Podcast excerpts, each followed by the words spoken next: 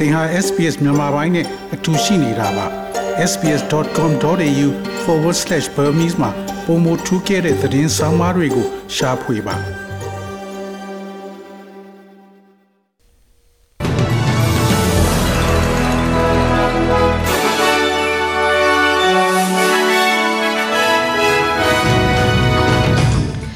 ဒီကနေ့ထိတ်တန့်ရောက်နေတဲ့သတင်းတွေကတော့အာဆီယံရဲ့အထူးကိုယ်စားလှယ် က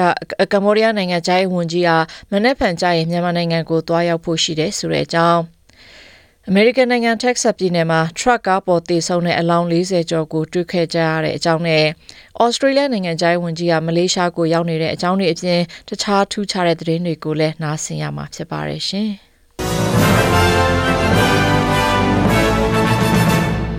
ပထမအဆုံးမြန်မာနဲ့ဆက်ဆက်တဲ့သတင်းကိုအရင်စရမယ်ဆိုရင်မြန်မာအရေးဆိုင်ရာအာဆီယံအထူးတန်တမန်အဖြစ်တဲ့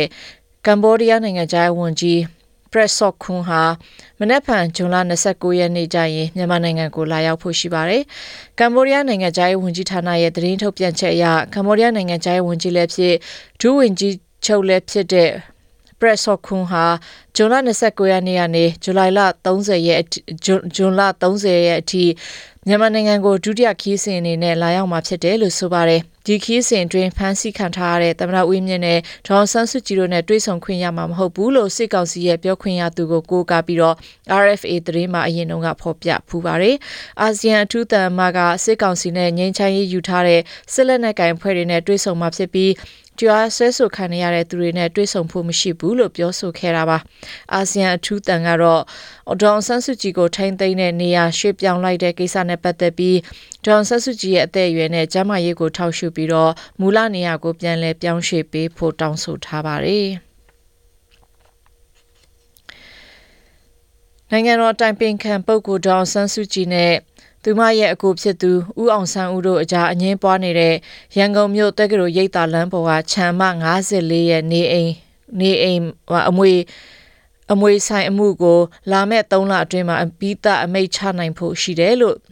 ဦးအောင်ဆန်းဦးရဲ့ရှင်းနေဖြစ်သူကပြောပါရယ်။ဇွန်လ29ရက်နေ့မှာအဲ့ဒီမှုကို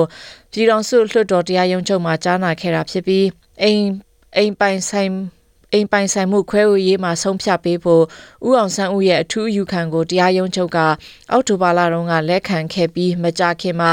အပိသအမိတ်ချမှတ်မဲ့အကြောင်းဦးအောင်ဆန်းဦးရဲ့ရှစ်နေက AP သတင်းဌာနကိုပြောသွားတာပါ။အင်းရကံမောင်ပေါ်က နေအေကကျော်နေအေကဝန်ကျင်ကျဲတဲ့အိမ်နဲ့ခြံကိုအမွေခွဲဝေပေးဖို့ဦးအောင်ဆန်းဦးက2000 2000ခုနှစ်ကလေးကတရားရုံးမှာလျှောက်ထားခဲ့တာဖြစ်ပြီး2016ခုနှစ်မှာရန်ကုန်မြို့တရားရုံးတစ်ခုကနေမောင်နှမနှစ်ဦးခွဲဝေကြဖို့ဆုံးဖြတ်ခဲ့တာကိုဦးအောင်ဆန်းဦးကမကျေနပ်ပဲဆက်လက်အယူခံဝင်ခဲ့တာဖြစ်ပါတယ်။ ဩစတြေးလျနိုင်ငံဘက်ကသတင်းမှာတော့နိုင်ငံခြားရေးဝန်ကြီးဖယ်နီဝမ်ကမလေးရှားနိုင်ငံခြားရေးဝန်ကြီးဆာဖီဒင်အဗ်ဒူလာနဲ့ဖရူထရူဂျာယာမြို့မှာတွေ့ဆုံခဲ့ပါတယ်ပညာရေးအကြောင်းကွာကွေရေးဆိုင်ရာပူးပေါင်းမှုတွေနဲ့ဒေသအတွင်းလုံခြုံရေးကိစ္စတွေကိုဆွေးနွေးခဲ့ကြပါတယ်။ဒေသအတွင်းရဲ့စီးပွားရေးနဲ့နီးဗျူဟာတွေမှာအပြောင်းအလဲတွေဖြစ်နေတယ်လို့လည်းဆီနိတ်တာဝန်ကပြောပါတယ်။ Australia will always operate on the basis that we have this objective and a, a region that is peaceful Australia အနေနဲ့ငြိမ်းချမ်းသာရတဲ့ဒေသတည်တည်ငြိမ်တဲ့ဒေသဖွံ့ဖြိုးတဲ့ဒေသကိုပိုင်အုပ်ချုပ်ခွင့်နဲ့လေးစားခံရတဲ့ဒေသနဲ့နိုင်ငံရဲ့အမှုအကျင့်ကိုခန့်မှန်းနိုင်တဲ့ဒေသအပြင်အငြင်းခုန်မှုတွေဖြစ်နေရင်ဖြေရှင်းနိုင်ရေးအတွက်အဓိကထားပြီးလှုံ့ဆော်သွားမယ်လို့ပြောဆိုခဲ့တာဖြစ်ပါတယ်။ 2021ခုနှစ်တကောင်စီရင်အရဩစတြေးလျနိုင်ငံမှာခါတိုင်းထက်ပိုပြီးတော့လူမျိုးပေါင်းစုံဘာသာပေါင်းစုံဖြစ်လာသလိုဌာနေတိုင်းသားရဲ့ဥယျာဉ်လည်းပိုများလာတယ်လို့ဆိုပါတယ်။ အိန္ဒိယနဲ့နီပေါနိုင်ငံကနေရွှေ့ပြောင်းလာတဲ့လူဦးရေလည်းတိုးတက်လာတိုးတိုးများလာပြီးအိန္ဒိယနိုင်ငံကနေမွေးပြီးဒီနိုင်ငံမှာရွှေ့ပြောင်းနေထိုင်သူဦးရေဟာပထမဆုံးအကြိမ်အနေနဲ့တရုတ်နဲ့နယူးဇီလန်နိုင်ငံကလူတွေကိုကျော်လွန်သွားတာဖြစ်ပါတယ်။နီပေါလူမျိုးဦးရေဟာလည်း2016ခုနှစ်တုန်းကနဲ့ရှင်ရင်နှစ်ဆကျော်ပိုများလာတာဖြစ်ပြီးတိဘက်ကလည်းတတိတသားများပြားလာတဲ့အထက်မှာပါဝင်ပါတယ်။မြန်မာနိုင်ငံနောက်ခံကလာတဲ့လူတွေကတော့ ဩစတြေးလျနိုင်ငံမှာ9000တောင်မရှိသေးတာကိုတွေ့ခဲ့ရပါတယ်။နောက်ပိုင်းမှာတော့သကောင်စီးနဲ့ပတ်သက်တဲ့အကြောင်းကိုတင်ဆက်ပေးဖို့ရှိပါတယ်ရှင်။ အမေရိကန်နိုင်ငံတက်ဆက်ပြည်နယ်လမ်းမပေါ်မှာရထရက်ကားတစ်စီးပေါ်မှာတေဆုံးနေတဲ့အလောင်းတွေကြောင့်လူဝင်မှုရေးရာပြဿနာကင်တွယ်ဖြေရှင်းရေးကိုမေးခွန်းထုတ်နေကြပါတယ်။အာနာပိုင်တွေရဲ့အဆိုအရထရက်ကားပေါ်မှာလူ46ယောက်ရဲ့အလောင်းကိုတွေ့ရတယ်လို့ပြောပြီးသူတို့ဟာမက္ကဆီကိုနဲ့အမေရိကန်နယ်စပ်တစ်လျှောက်မှာသွားလာရင်အမေရိကန်နိုင်ငံထဲဝင်ရောက်လာတဲ့လူတွေဖြစ်ကြတယ်လို့ဆိုပါတယ်။လူ16ဦးကိုဆေးရုံတင်ထားပြီးအဲ့ဒီအထဲမှာအသက်ပြည့်သူ12ဦးနဲ့ကလေးငယ်4ဦးပါဝင်ပါတယ်။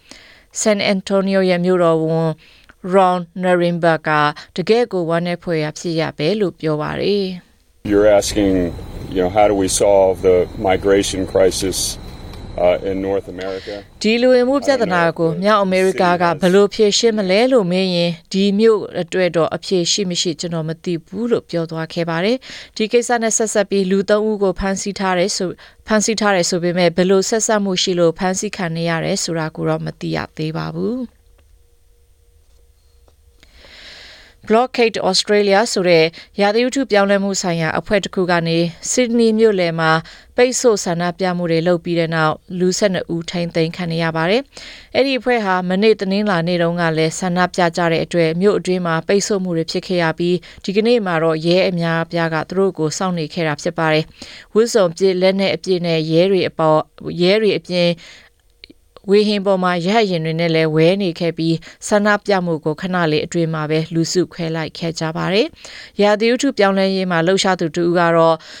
သူသူ့အနေနဲ့သူမရဲ့သားသမီးတွေနဲ့မြေးခုနှစ်ယောက်ရဲ့အနာဂတ်အတွက်ဆန္ဒပြမှုမှာပါဝင်တာဖြစ်ပြီးတခုခုမှမလုပ်ရင်အနာဂတ်မှာနေထိုင်လို့မရကြမှာကိုစိုးရိမ်တဲ့အတွက်ဖြစ်တယ်လို့ပြောဆိုခဲ့ပါတယ်။ ယူကရိန်းနိုင်ငံရဲ့မြို့တော်အရှေ့တောင်ပိုင်းနားမှာရှိတဲ့ Kremenchuk မြို့ထဲက shopping center တစ်ခုပေါ်ရုရှားရဲ့လက်နဲ့ကြားရောက်တဲ့အတွက်လူ18ဦးသေဆုံးပြီး59ဦးဒဏ်ရာရရှိခဲ့ပါတယ်။ယူကရိန်းသမ္မတ Vladimir Zelensky ရဲ့အဆိုအရအဲ့ဒီအချိန်မှာလူပေါင်းတစ်ထောင်လောက် shopping mall မှာရှိနေလိမ့်မယ်လို့ပြောပါတယ်။ ဒါဟာမတော်တဆမှုမဟုတ်ပဲရုရှားဘက်ကတေချာတွဲချက်ပြီးမှတိုက်ခိုက်တာဖြစ်တယ်လို့ဆွဆွဲပြောဆိုလိုက်ပါတယ်။ဒဏ်ရာကြောင့်ဆေးရုံမှာဆေးကုသမှုခံယူနေတဲ့အသက်43နှစ်အရွယ်အမျိုးသမီးတူကတော့သူမရဲ့ခင်ပွန်းနဲ့အတူဈေးဆိုင်ထဲမှာရှောက်လည်နေတော့ပောက်ကွဲမှုဖြစ်ပြီးတော့သူကလည်းလေထဲကိုလွင့်စင်ခဲ့တာလို့အခုလိုပြောပြထားပါတယ် Чувство таке, що просто ти летиш. I flew head first and splinters hit my body. The whole place was collapsing. Then I ခေါင်း landed ဖဲ on the ကနေ floor စ and I လွင့် don't သွား know ပြီး if တဲ့ I နောက် was အပိုင်းအစ conscious တွေက or ကျမရဲ့ကိုယ်ခန္ဓာကိုထိခိုက်သွားတာပါ နေရာတစ်ခုလုံးကလည်းပြိုကျနေပါတယ်အဲ့ဒီနောက်ကျမကြမ်းခင်းပြင်ပေါ်ကျလာပြီးအဲ့ဒီမှာမေ့သွားသလားမမေ့သွားဘူးလားဆိုတာတော့ကျမမသိတော့ပါဘူးဘာကိုမှကျမနားမလဲတော့ပါဘူးမျက်လုံးကိုဖွင့်ကြည့်တဲ့အခါမှာတော့အပြက်စီအပိုင်းအစကြီးတစ်ခုကကျမအပေါ်မှာရှိနေပါတယ်အဲ့ဒီမှာပဲကဲကြပါအောင်ဆိုပြီးကျမအော်ဟီလိုက်ပါတယ်အဲ့ဒီအချိန်မှာရေတွေကလည်းတခြားနေရာကနေရောက်လာပါတယ်အဲ့ဒီရေကြောင့်ပဲကျမနိုးလာတာဖြစ်မယ်လို့ပြောပြခဲ့ပါတယ် အဲ့ဒီဖြစ်ရနဲ့ဆက်ဆက်ပြီးဂျာမနီမှာတွဲဆုံဆွေးကမ္ဘာခေါင်းဆောင်ကမ္ဘာနိုင်ငံခုနှစ်ခုကခေါင်းဆောင်တွေတွဲဆုံဆွေးနွေးမှုလုပ်ကြတဲ့ G7 နိုင်ငံများခေါင်းဆောင်တွေကလည်းရှုံချမှုလုပ်နေကြပါတယ်နေတိုးညီလာခံအတွက်စပိန်နိုင်ငံကိုရောက်ရှိနေတဲ့ဩစတြေးလျဝန်ကြီးချုပ်အန်တိုနီအယ်ဘနီဇီကလည်းရုရှားရဲ့လုပ်ရကိုရှုံချလိုက်ပါတယ်ဒီလိုဖြစ်ရဟာစစ်ရဲ့ဝမ်းနည်းဖွယ်ရာတည်ရောက်မှုဖြစ်ပြီး ရုရှားသမ္မတဗလာဒီမီယာပူတင်အနေနဲ့သူ့ကိုကဘာက ပို့ပြီးတော့ဆန့်ကျင်လာအောင်တမင်လုပ်နေတာဖြစ်တယ်လို့ပြောဆိုလိုက်ပါတယ် This is a civilian target. This reinforces the atrocities being committed in this illegal war ဒါ of ဟာ aggression ပြည်သူတွေကို by တိုက်ခတ် Russia ခြင်းဖြစ်ပါတယ် and why it ဒီ must တရားမဝင်တဲ့ stop. စစ်မှာ It's ရု one ရှား of the ရဲ့ရက်ဆက် reasons ကြမ်းကြုတ်မှု why ကို I'm ထပ်မံ here ထင် at ဟ NATO စေတဲ့ and လောက်ရ will be a ဖြစ်လို့ focus အဲ့ဒါ on တွေကို the ရပ်တန့်ပြ democratic ရမှာပါအဲ့ဒီလိုလောက်ရကြောင်းကျွန်တော်အနေနဲ့ NATO အစည်းအဝေးကိုတက်ရောက်နေတာဖြစ်ပြီးကျွန်တော်တို့ကဒီမိုကရေစီနိုင်ငံတွေစုပေါင်းထားတဲ့ NATO နဲ့အာရှပစိဖိတ်က၄နိုင်ငံတွေပါဒီလိုအရေးကြီးတဲ့ဆွေးနွေးပွဲကိုတက်ရောက်ဖို့ဖိတ်ခေါ်ခံနေရတာဖြစ်တယ်လို့ပြောဆိုခဲ့ပါတယ် ဩစတြေးလျဝန်ကြီးချုပ်ကိုယူကရိန်းနိုင်ငံကိုလာရောက်လည်ပတ်ဖို့ယူကရိန်းအစိုးရဘက်ကဖိတ်ခေါ်ထားတာရှိတဲ့အတွက်ဒီလိုတိုက်ခိုက်မှုတွေအပြီးမှာသွားရောက်ဖို့ရှိမရှိမေးတဲ့အခါမှာဩစတြေးလျဝန်ကြီးချုပ်ကသူတို့အနေနဲ့အခြေအနေကို လေ့လာနေဆဲဖြစ်တယ်လို့တုံ့ပြန်ပြောဆိုထားပါတယ်ရှင်။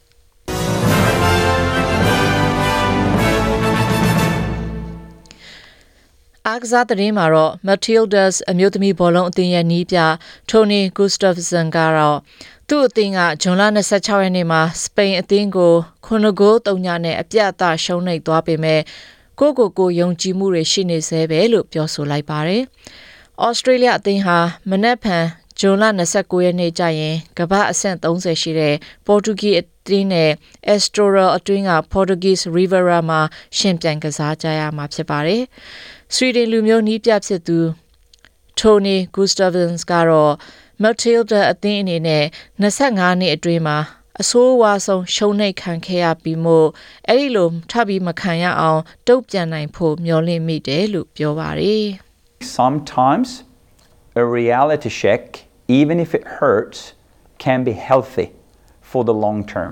Short term, it hurts for all of us, including. တခါတလေ us ကြရင် in and နာကျင်ရ around ပေ the မဲ့ fans, အရှိတဘောကိုတော့ media, ကျွန်တော်တို့လက်ခံနိုင်ရမှာဖြစ်ပြီး stakeholders, အဲ့ဒီလို players, လှုပ်ဆောင်ချက်ကရေရှည်အတွက် but in the long run, ကောင်းမွန်နိုင်ပါတယ်ရေတိုမှာ Miltida ကစားသမားတွေအတွက်တမက ပရိသတ်တွေမီဒီယာတွေနဲ့သက်ဆိုင်သူတွေအပြင်နိုင်ငံတော်အမှုနိုင်ငံတော်နဲ့တခြားအမှုတန်းအားလုံးအတွက်နာကျင်စရာတွေဖြစ်ပါတယ်ဒါပေမဲ့ရေရှည်မှာတော့ဒါကကျွန်တော်ကျွန်တော်တို့ကိုတကယ်သဘောပေါက်ဖို့လိုအပ်နေတာလိုအပ်နေတယ်ဆိုတာကို ဆန်းစစ်စေနိုင်တာဖြစ်ပြီးကိုကိုဘယ်မှာရောက်နေတယ်လဲဘာတွေလှုပ်ဆောင်ရမလဲဆိုတာကိုသုံးသပ်ဖို့လှုပ်ဆောင်ရလှုပ်ဆောင်ရမှာအထောက်အကူဖြစ်စေနိုင်တယ်လို့ပြောဆိုခဲ့ပါတယ်။ Lydia Williams ကတော့ဂိုးသမားအဖြစ်ကစားမှာဖြစ်ပြီးနောက်လာမနေ့ဖန်ကြရင်ကစားဖြစ်ခဲ့ရင်တော့သူမအတွက်အပွဲတရာမြောက်ဂိုးဖမ်းတာလည်းဖြစ်ပါတယ်။ မနေ့ဖန်ဗုဒ္ဓနေ့အတွက်မိုးလေဝသတွေကတော့ Perth မြို့မှာနေတာပြီးအမြင့်ဆုံးပူချိန်18ဒီဂရီရှိချိန်မှာ Adelaide မှာမိုးရွာလာနိုင်ပြီးတော့15ဒီဂရီရှိမှာဖြစ်ပါတယ်။ Melbourne မြို့မှာမိုးအုပ်ပြီးအမြင့်ဆုံးပူချိန်73ဒီဂရီရှိချိန်မှာ Hobart မြို့မှာမွန်းလွဲနောက်ပိုင်းမိုးတမိုးနမိုးရွာပြီးတော့15ဒီဂရီရှိမှာဖြစ်ပါတယ်။ ကင်မရာမြို့မှာမနေ့ပိုင်းမြူအုပ်ဆိုင်လို့မိုးအုပ်မှာဖြစ်ပြီးအမြင့်ဆုံးပူချိန်12ဒီဂရီရှိမှာရှိတဲ့အချိန်မှာဆစ်ဒနီမြို့မှာလည်းတိမ်အတင်အတင်ထူပြီးတော့18ဒီဂရီရှိမှာဖြစ်ပါတယ်။ Brisbane မြို့မှာတိမ်ထူပြီး21ဒီဂရီရှိချိန်မှာ Darwin မြို့မှာလည်းတိမ်အတင်အတင်ထူပြီးတော့အမြင့်ဆုံးပူချိန်26ဒီဂရီရှိမှာဖြစ်ပါတယ်ရှင်။